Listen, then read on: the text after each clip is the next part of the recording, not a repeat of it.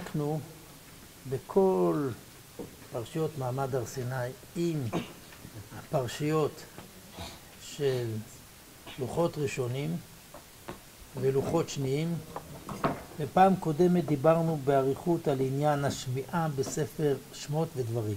אמת, אני מדייק? אני הייתי מאוד מאוד רוצה לעשות סיכום של כל השיעורים בשביל שתבינו את הרציונל של הכל. אבל לצערי הרב חסרים אנשים אז אני אלמד משהו אחר, בסדר? כי זה חשוב לי את הכל.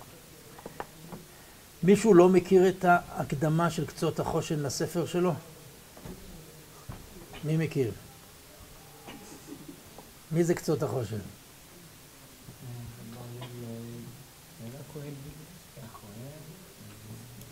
מה המיוחד בספר שלו?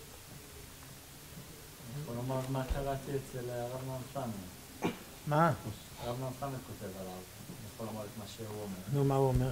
מי זה? לא שמעתי מי זה? הרב נעם כתב עליו. כן, מה הוא כתב? שהוא בעצם באמצע בין אה, הפרשנים של השולחן ערוך שיכולים להיות מאוד נקודתיים לבין הלמדנות הקונספטואלית המפורטת שבאה אחר כך הוא איזושהי נקודת מעבר שהוא באמצע בין שניהם. כן, אבל זה, זה נכון, אבל זה קצת תהיה הגדרה. זה קודם כל אחד הספרים הלמדניים החשובים ביותר שיש על חושן משפט. והוא עוסק אכן, וזו הגדרה טובה, מה שהוא אמר, ביסודות של שיטות הראשונים, בצורה של ממש, ולכן הוא מהווה את אחד מהספרים הכי יסודיים שיש. הוא כתב עוד ספר בילדותו, בגיל 16, שקוראים לו שב שמעתת. בזמן שאני הייתי בוחן לישיבה, הייתי אומר לאדם, תכין לי את כל שמעת א', אתה תכין את כל שמעת ב', אתה תכין את כל שמעת ג', ואמרתי, מי שמספיק את כל הספר, מתקבל לישיבה בניצחון תכף. אבל אף אחד לא הספיק את הכל. אף אחד לא הספיק את הכל. דרך אגב, אם הוא כתב את זה בגיל 16, יש לי ראיה שהבן שלו חידש חידושים בגיל שנתיים. כי הוא מבין שהבני הגאון חיד... אמר כך וכך. אז באיזה גיל היה הבן שלו? נניח הוא התחתן בגיל 13, נניח שהוא נולד לו בגיל 14. אז באיזה גיל הוא היה? בגיל שנתיים. סימן שהספר שבידינו, הוא שיפץ אותו, ומאוד היה מעניין אותי לראות את הגרסה של הספר בגיל 16. אבל הוא ספר של ילד, ואותו רב דוד שסיפרתי עליכם, אמר לנו בכיתה שכל אחד בכיתה יותר חכם מקצות החושן. רק הוא היה לו כוח רצון. ככה הוא טען. ומכיוון שיש לי אמונת חכמים, אז אני מאמין. ושתבינו מה זה כוח הרצון שלו, הדיו היה כופה. כי לא היה לו כסף לחמם את הבית. והוא לא יכל לכתוב חידושים. אז את החידושים הוא היה כותב מתחת לשמיכה. כשהוא למד עם האח שלו, מי זה אח שלו, אתם יודעים? האח שלו זה, כן, קראו לו רבי יהודה. אה, זה בעל קונטרס הספקות, ספר תרומת תקריא, הוא גם סבא שלי, כשהייתי בכיתה ד' סבא שלי נתן לי מתנה את הספר שלו, תרומת תקריא. אז מנהגם היה ללמוד, ושמישהו עייף נרדם על השולחן, מתעורר, ממשיכים ללמוד יום לילה, יום לילה. יום אחד אחיו החליט להביא כרית, שיהיה לו נוח לישון על השולחן. אז הוא הפסיק ללמוד איתו, היה ברוגז איתו. אחרי כמה ימים הוא שואל אותו, אתה יודע על מה אני כועס עליך? אז הוא אומר לו, לא. תשמע, זה שהלכת להביא, זה שאתה ישן, אתה עייף, זכותך לישון. אבל בכוח שהלכת להביא כרית, יכולת עוד ללמוד. ועל זה אני כועס עליך. אתם מבינים על מה מדובר? על איזה, איזה התמדה מדובר? עכשיו, הוא כתב הקדמה שלעניות דעתי מהווה את אחד מהיסודות הגדולים של תורה שבעל פה. מבחינתי נר לרגליי. הוא פותח כדרכם של זה בפתיחה ספרותית שאין לה שום משמעות. אבל מתוך זה הוא מגיע לדברים יפהפיים. הפתיחה שלו כזאת, אשתחווה אלוהי קדם, רוכב בשמי שמי קדם, יושב הקרובים מלכי מקדם, הגדלת חסדך עלי צעיר אודם, למען אבותי אשר יתרחו לפניך בתמים, יראוך עם שמש, ולפני ירח דור דורים, בעצתך תנחני, ברעב זנתני, מחרב הצלתני, מדבר מילתני, מחלרי מנהלים דיליתני, כל אלה ראתני, יסור ישרני, עוול המוות לא נתנני. ולנצח על יתשני לא בצדקתי וביושר לב אביבי הקים בזכות הדידו ובזכות אבא מרי מרי דעובדן וחד מבני עלייה אדוננו מורנו רבי יוסף הכהן ויורנו מדרכיו ונלך באורחותיו לשמור את דרך עץ החיים. טוב יפה יפה אין, אין לי מה להוסיף. סתם נחמד לראות שהיה לו כישרון ספרותי. אבל מפה תקשיבו טוב. אחת שאלתי מאת השם. אותה אבקש. שבתי בבית השם כל ימי חיי לחזות בנועם השם ולבקר בהיכלו. כי יצפנני בסוכו. בזוהר בראשית רבי שמעון פתח ואשים דברי בפיך כמה איתלי לברנש להשתדלה באורייתא יממה ולילה בגין דקודשא בריחו צייט לקלהון דהינו דמתעסקים באורייתא. על ידי דהאו דשתדל באורייתא אביד ריקי אחד. בואו נסביר את הזוהר הזה שהוא מביא, כי זה מאוד חשוב. זה לא ספר חסידות, זה קצות החושן. הוא מביא זוהר, תקשיבו. קודם כל הוא אומר, רבי שמעון, ואשים דבריי בפיך.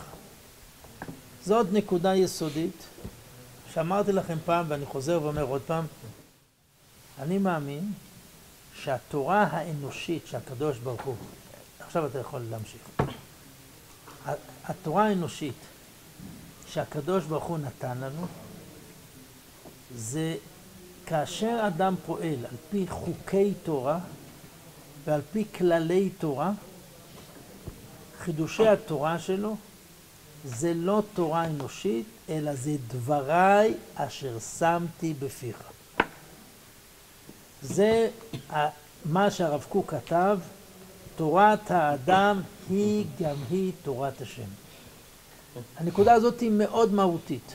זה שאפשר להתווכח, זה אלו ואלו דברי אלוהים חיים.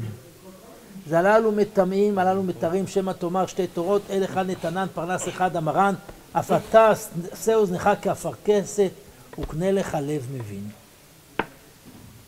וזה הבדל של שמיים וארץ, איך מתייחסים לתורה שבעל פה, באיזה יחס. האם זה דבריי אשר שמתי בפיך? זו הסיבה שעשיתי כמה שינויים בתפילה בכניסה לבית מדרש, וכתבתי שרצוננו לגלות את רצונך מתוך תלמוד תורתנו באהבה. זו נקודה מאוד מהותית. זה לא איזשהו משהו חיצוני ואיזשהו משהו אנושי. האדם נברא בצלם אלוהים וניתנה לנו תורה ואור חוזר זה דבריי אשר שמתי בפיך. זאת תפיסתו של רשב"י בעשרות מקומות אם לא למעלה מזה וגם אם אתם יכולים להביא לגדולי ישראל שאמרו אחרת אין דרכי כדרכם. מה? אז סבלנות, אני מכיר את הסיפורים של תנור של אחנאי, את כל היוני סמנריוני הזה, שאומרים לא בשמיים היא, ועושים חגיגה מכל הדבר הזה. אני לא מזדהה עם זה, ואני מיד אסביר. אז הוא אומר, כמה אדם צריך להשתדל בתורה יום ולילה. הקדוש ברוך הוא מציית לקול של מי שמתעסק בתורה, ועל ידי זה הוא בורא שמיים חדשים. כלומר, הקדוש ברוך הוא יסתכל באורייתא וברעלמא. ואנחנו יודעים שיש התהוות העולם והנהגת העולם. בהנהגת העולם, גם הקדוש ברוך הוא מסתכל באורייתא ובורא עולם, מחדש עולם. באיזה תורה הוא מסתכל? התורה שלנו. תבינו כמה אחריות יש ללימוד התורה שלנו. ממשיך הזוהר ואומר, נן, בהאי שעתא דמילה דאורייתא יתחדש מפומי דברנש. באותה שעה שמילה של התורה מתחדשת מפה של אדם. היי מילה סלקה, אותה מילה עולה, והתעתת לה קמי קודשא בריחו, ונעמדת לפני הקדוש ברוך הוא. וקודשא בריחו נתי לה ומילה ונשיק לה. קדוש ברוך הוא נוטל את אותה מילה ומנשק אותה. והוא קרילון שמיים חדשים, שמיים מחודשים. סתימן דרז דחוכמתה הילה. וכל אילין שאר מילין, דאורייתא דמתחדשין קיימין קמי קודשא בריחו וסלקין והתאבידו ארצות החיים. אמר רבי אליעזר, מהו בצל ידי כיסיתיך? אמר לי בשעת דתמסר אורייתא למוישה, אתו כמה ריבו דמלאכי לעין לאוקדא לי בשלבותא דפומהון. באו כמה ריבו מלאכי עליון לאכוד את משה בשלהבת פיהם. עד דחפה עלי קודשא בריחו, חיפה עליו הקדוש ברוך הוא. והשתא, דהי מילה סלקא והתערא וקיימא קמא קודשא בריחו. איהו, הקדוש ברוך הוא. חפי על ההוא מילה, וכעסי על ההוא ברנש, דלא השתמודה לגביו ולא יקענעון, עד דאבידו מאי מילה שמיים חדשים וארץ חדשה. הוא הדיבור, ובצל ידי כיסיתיך, לנטוע שמיים ולסוד ארץ. כלומר, המלאכים מקנאים באדם. כי למלאך אין את הכוח הזה של דבריי אשר שמתי בפיך. אין כוח למלאך דבריי אשר שמתי בפיך. רק אדם. ובשביל שהמלאכים לא ישרפו אותנו, קדוש ברוך הוא וצל ידיי כיסיתיך. תבינו מה, מה זה בית מדרש, מה המשמעות של אדם שלומד תורה. בואו נראה את המשך הזוהר. זה אומר שאדם אבל לא יודע שהוא מקבל בתורה. זה אומר שהקדוש ברוך הוא דואג שאדם לא ידע מה הוא יוצר. לא? כי יש חלל פנוי, אבל כן. וזהו שאלתו ובקשתו של דוד המלך עליו השלום. שבתי בבית אדוני כל ימי חיי, לחזות בנועם אדוני ולבקר בהיכלו. לחזות בנועם השם הוא פנימיות התורה וסודותיה, ולבקר בהיכלו הוא נגליות התורה. ושלא יקנאון בי אמר כי יצפנני בסוכו. אז עד כאן זה ציטוט מהזוהר. אומר הקצות, נם לזאת יחרד איש, פן ידבר בתורה בדברים אשר לא כן. מה זה פחד אלוהים? תארו לכם, כל אחד מאיתנו שכותב משהו, מישהו מסתכל, מה התגובה הראשונה שהוא עושה? הוא מכסה, נכון? למה הוא מכסה? הוא מתבייש, למה? אולי זה לא שלם. יודעים איזה פחד? כשאני אומר משהו, זה עולה לפני הקדוש ברוך הוא? וואו וואו וואו, פחד אלוהים. אומר הקצות, לזאת יכרד איש, פן ידבר בתורה בדברים אשר לא כן. ושכל האנושי לא אל להשיג האמת, ובפרט כוונת התורה, שרפים ואופנים לא השיגו. אלוהים הבין דרכה. כלומר, זה פחד אלוהים, מה אנחנו, זה יומרה? אנחנו מסוגלים להבין את דבר השם? וההוא דמשקר, מה זה ההוא דמשקר? מי שאומר סברה עקומה הוא שקרן. מי שאומר תורה שהיא לא אמיתית, מה הוא? שקרן. זה ההוא דמשקר, זה דבר מאוד חריף. אדם אומר תורה שהיא לא תורת אמת, ההוא דמשקר, העונש רחמנא ליצלן מבואר בזוהר. היכן היא מילה סלקה, ושתיקתם יפה מדיבורם, שלא ייכשלו בשינונם. אז זה ממש מפחיד, מי, מי ילמד תורה עם כזה דבר. ממשיך קצות החושן ואומר, אך לא ניתנה תורה למלאכי השרת, ואל האדם ניתנה, אשר לא שכל האנושי, ונתן לנו הקדוש ברוך הוא התורה ברוב רחמיו וחסדיו. וכפי הכרעת השכל האנושי, גם כי אינו אמת בערך השכלים הנבדלים. אומר קצות החושן דבר פשוט, התורה ניתנה לשכל האנושי.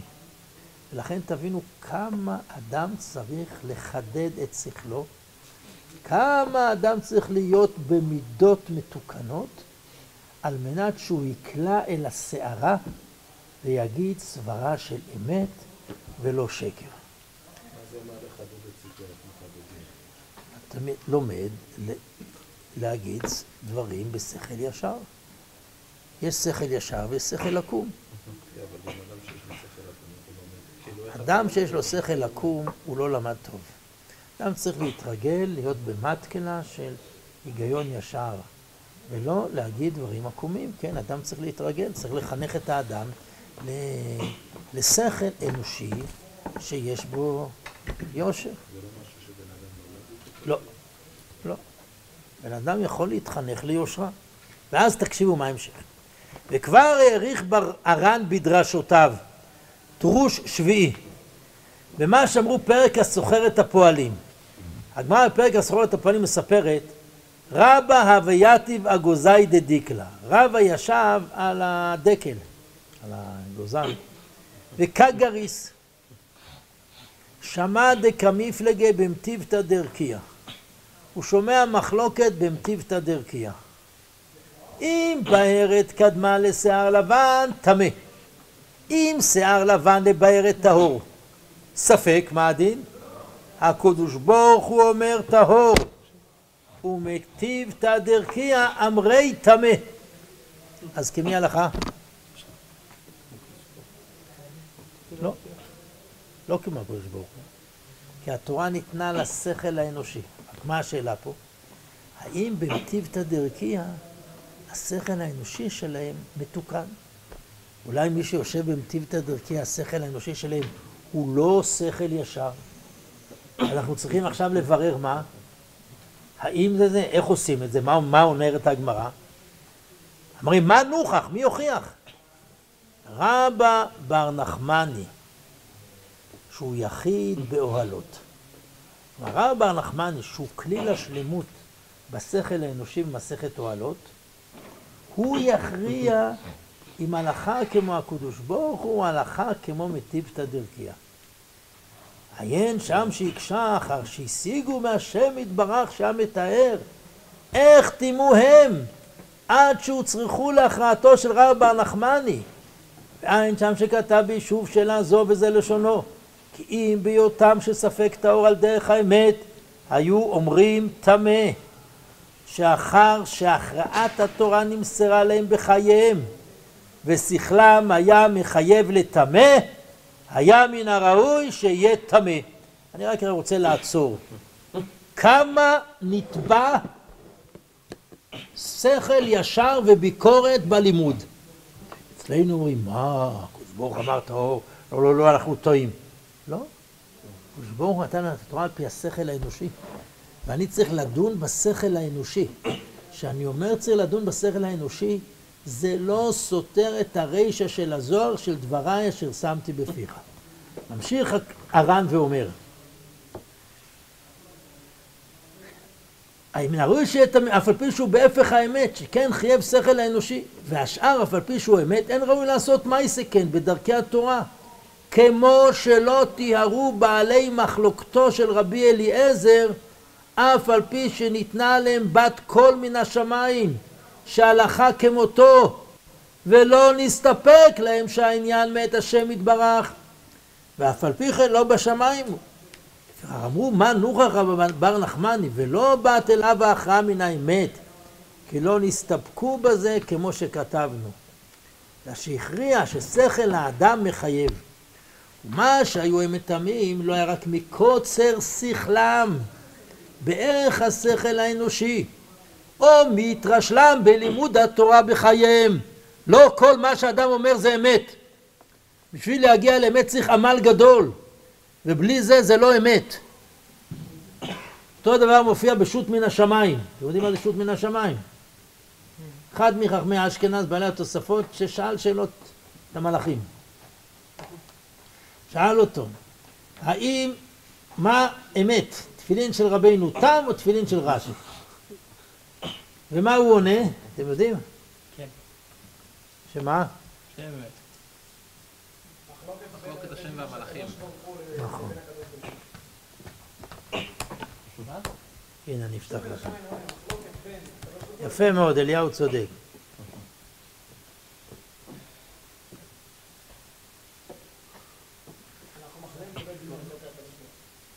ברור.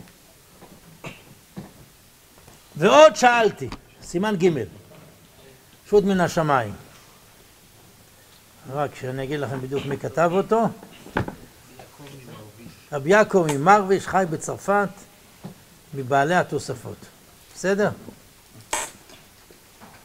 תקשיבו. שאלתי על סדר הפרשיות שבתפילין, וכך הייתה שאלתי. אנא המלך הגדול, הגיבור והנורא, חכם ארזים, מגלה נסתרות, מגיד נעלמות, שומר הברית והחסד. הגדל נא חסדך עמנו היום וצווה למלאכיך הקדושים להודיעני את אשר נסתפקנו בסדר הפרשיות של תפילין. כי יש מהחכמים האורים הוויות באמצע, זה רבנו תם. ואם החליף פסולות, ויש מהחכמים האורים הוויות כסדרן, ואם החליף פסולות זה רש"י. ואתה מלך מלכים צווה למלאכי הקדושים להודיעני עליך כדברי מי? ודברי מי אתה מחבב. והשיבו, מי? מלאכים. אילו ואילו דברי אלוהים חיים, וכמחלוקת למטה, כך מחלוקת למעלה. קדוש ברוך הוא אומר הוויות באמצע, וכל פמליה של מעלה אומרים הוויות כסדרן. והוא אשר דיבר השם בקרובה יקדש, ועל פני כל העם יכבד. זהו כבודו בהיות פרשיית, פרשת מלכות שמיים תחילה. מדהים, אה? איך זה כפירה? מה? איך. זה לא כפירה? מה כפירה? לא הבנתי. למה כפירה? נתנו ישות עצמאית למלאכים פה, לחלוק על אלוקים. לא, לא הבנת. סליחה, המלאכים אמרו לו מה הקדוש ברוך הוא אמר. במטיבתא דרכיה הם אומרים לו יש מחלוקת. בין הקדוש ברוך הוא למטיבתא דרכיה. שזה... מה הבעיה? שזה... שהמטיבתא דרכיה אומרת כדעת רש"י. מה זה? מה זה כדעת רש"י? לא, מה זה מטיב את הדרך? כן. אה, מה זה מטיבתא דרכיה? אתה לא יודע שיש ישיבה בשמיים? בוא אני אגיד לך מה זה מטיבתא דרכיה. בוא אני אספר לכם.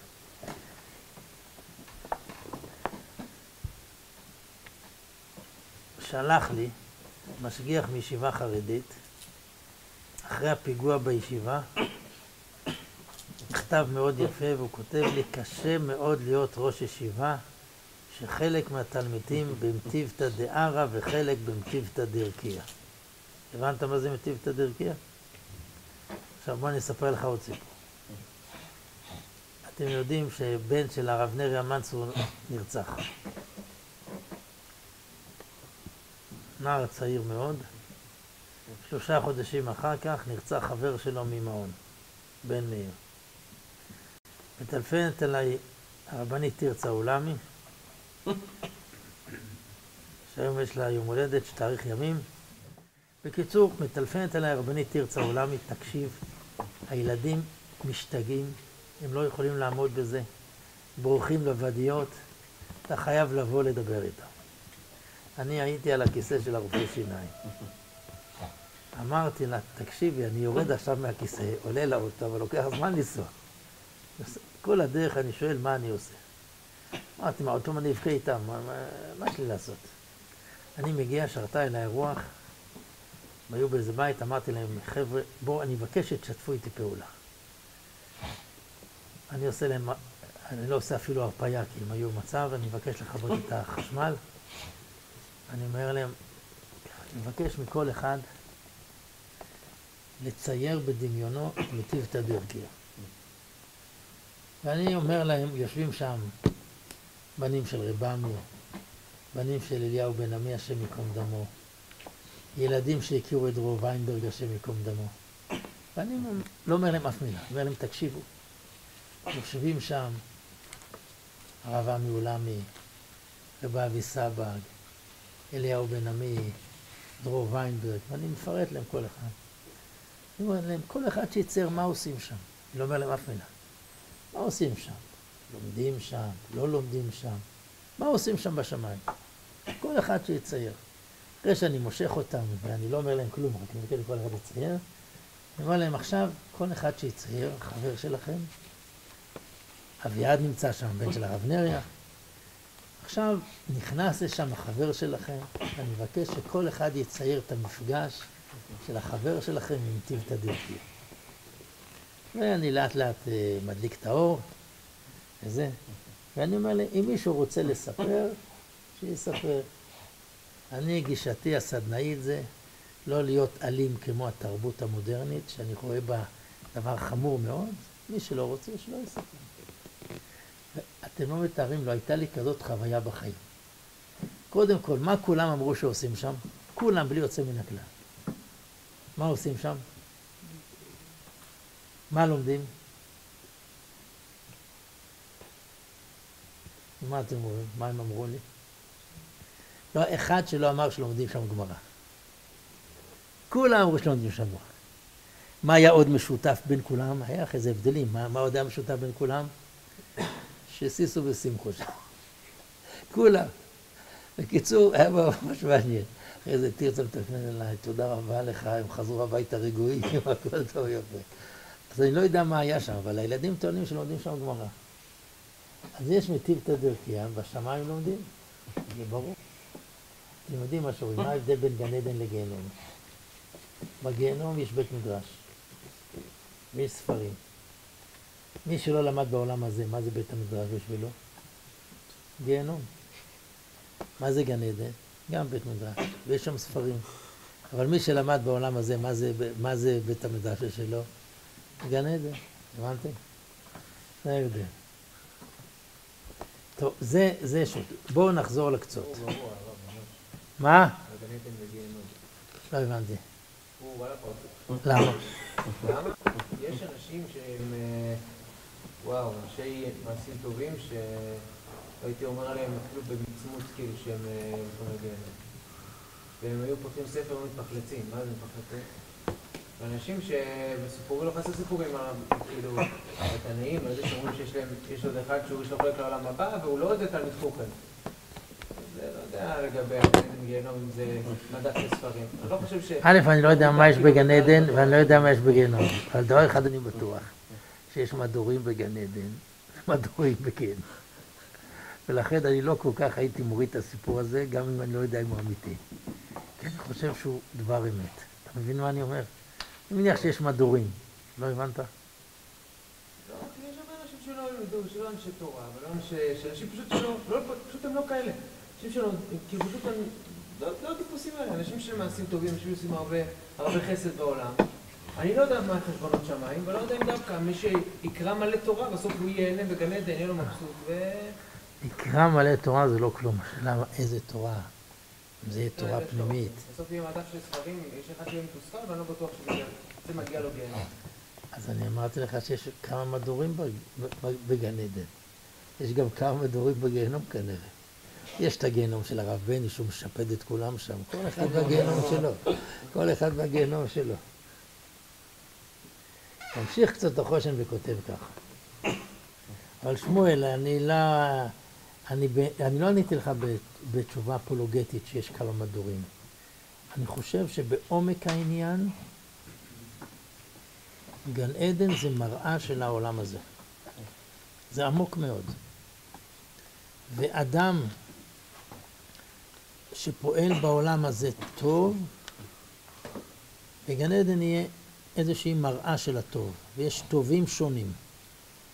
ואני מקבל את העובדה הזאת שיש כל מיני סוגי אנשים, זה אני מקבל לגמרי. אבל אני לא כל כך מהר מוריד את הסיפור הזה, גם אם אני לא יודע מה יש שם. אמרתי לכם, אני יודע מה יש בעולם הזה, בעולם בת שלו אחרים. לא הייתי שם, לא ביקרתי שם אף פעם. ואז הוא אומר ככה, כל הרואה זה ישתומם ולבבו יחרד. בני עלייה שזכו להיות מבני מטיבתא העליונים לפני אדון האדונים, לא השלימו שכלם שכל האנושי מפני עומק המושג. וקוצר המשיגים או מהתרשלות בלימוד התורה בחייהם. אם הראשונים כמלאכים, מה יעשו חלוכי, חלושי השכל? כמונו, אשר בטרדת הזמן טרודים. ובפלאפון מתעסקים, ככה כתוב בכתב יד מינכן, ובעיתות הפנאי שוכן ענן העצלות עליהם, בהתרפות מן התורה ידיהם, ואפילו דבר קלה, בקוף, במסכת קלה, לא ידוע שיב כתורה, אוי לנו מעלבונה של תורה. בדרוש י"א גם כן, נאמין שאם הסכימו הפך האמת ונדע זה על ידי בת קול או נביא, אין ראוי שנסור מהסכמת החכמים, וזהו עניין רבי אליעזר הגדול עם החכמים, שאף על פי שנתן אותות גדולים וחזקים שהאמת כדבריו, יצאה בת קול מן השמיים ואמרה, מה לכם אצל רבי אליעזר שלאחר כמותו בכל מקום? אף על פי כן, כשלא רצה להסכים לדבריהם, נמנו עליו וברכו, לפי שלא מסר השם יתברך. הכרעת ספקות התורה לנביא, ולא לבת קול אלא לחכמי הדור. ומפורש עוד בתמורה שאין צריך לומר שאין ראוי שימשך אחר הנביאים, הפך הסכמת החכמים. אבל גם כן יספקו חכמים בדבר מה אין לנו שניקח באור הספק ההוא, על פי נביא. אבל יותר טוב שישאר הדבר בספקו. שאמרו שם בימי אבלו של משה נשתכחו שלושת אלפים הלכות. ואמרו לו לרע יהושע שאל ואמר להם לא בשמיים הוא, ונאמר עוד שם עמדו עליו כל ישראל ואמר להם הקדוש ברוך הוא לומר לך אי אפשר לך וטורדן במלחמה. ואיפה הוא חידש אותם? עתניאל בן כנז החזיר את השלושת אלפים הלכות בפלפולו. ולכן, איך נקרא היישוב פה מול? דביר, כי מה זה דביר? מה זה הדביר? ההיכל, לא ההיכל, זה קודש הקודשים. כלומר, יש פה מקור תורה של גילוי האדם, שהוא דבר השם. גם האדם יכול בכוחו לגלות את דבר השם. תבינו אבל כמה נדרש, נדרש שהלימוד יהיה טהור, ישר, כמה האדם צריך להתחנך לסברה ישרה, לשכל ישר, לא לעקם את שכלו, שהכל יהיה שקול וברור. מה. אתה אומר? איך מגיעים לזה? איך יודעים מה אתה אומר שהוא נכון, מה הוא לא נכון, ומה שני הדברים למרות שהם סותרים? מה אתה עונה? אני שאלתי. מה אתה עונה? מה אתם עונים?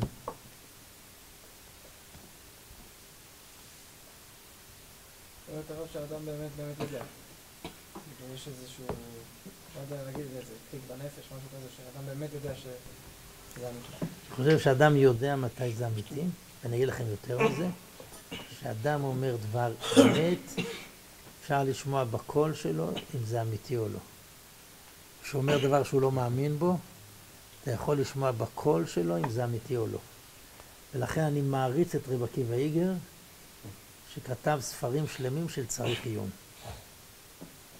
אני מאוד לא מעריך את אלה שחושבים שצריך לתת תשובה על כל שאלה.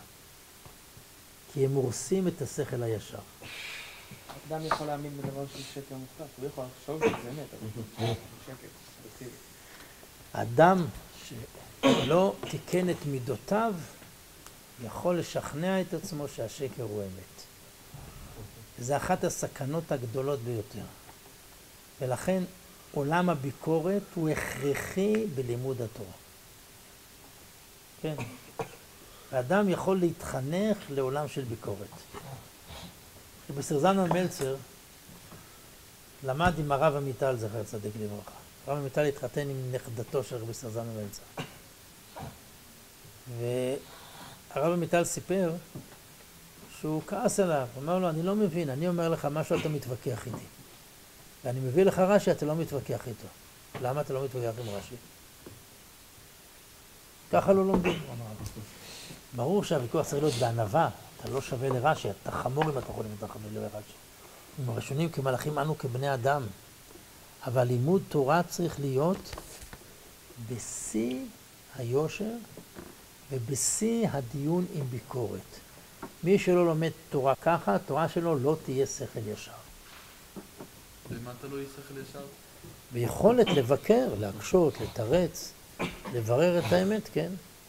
מי שיש לו חוש ביקורת, מי שיודע להקשות, מי שלא נבהל מזה שמקשים נגדו, אז, אז יהיה תורת אמת. נכון, אנחנו כי מתפ... לא לא תמיד אנחנו יודעים, אבל אני חושב שאפשר לתבוע מן האדם להיות ישר. אני חושב שאדם יכול לחנך את הראש שלו להיות ישר. אדם יכול להיות קשוב לדעת מתי הוא אומר תורת אמת ומתי התורה שלו היא תורת שקר. כתוב לא ללמד לשונך, אה, לא להשתמש בלשון אה, אה, לא נקייה במה אשר איננה תורה, אבל אני משתמש בכוונה בביטוי שקר, גם הזוהר השתמש הביטוי שקר בשביל להעמיד בשיא החריפות את השכל העקום, את התורה, ובשביל זה צריך גם כן להתחנך לזה, להיות נקי במידות מאוד, ולא רק להתווכח סתם. אני חייב להגיד שיש אנשים שלדבר איתם אתה רואה שכל ישר. דיברתי עם רב שלמה זלמן, תמיד היה לו שכל ישר. תמיד השכל שלו היה כל כך בהיר, כל כך ישר, לא אגיד שמות, יש אנשים שתמיד היה להם שכל לקום. אני חושב שאם אדם יהיה מתוקן במידות, אדם לא יתבייש לחזור בו, אז הוא יכול להיות uh, תורת אמת, ככה אני חושב. כן. נראה לי שמדברים פה, מערבבים פה בין שתי מושגים של אמת. יש את הכנות הפנימית, שאדם צריך להיות ישר מול עצמו.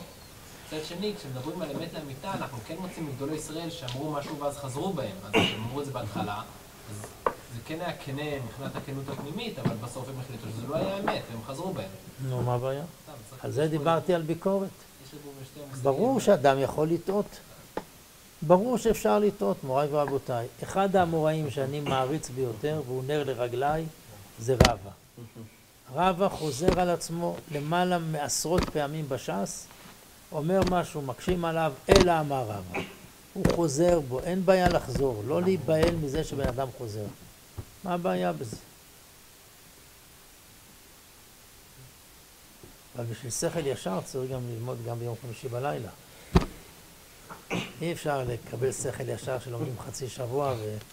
והולכים אה, ובת המלך נעלמת ל-70 שנה. זה... זה לא טוב.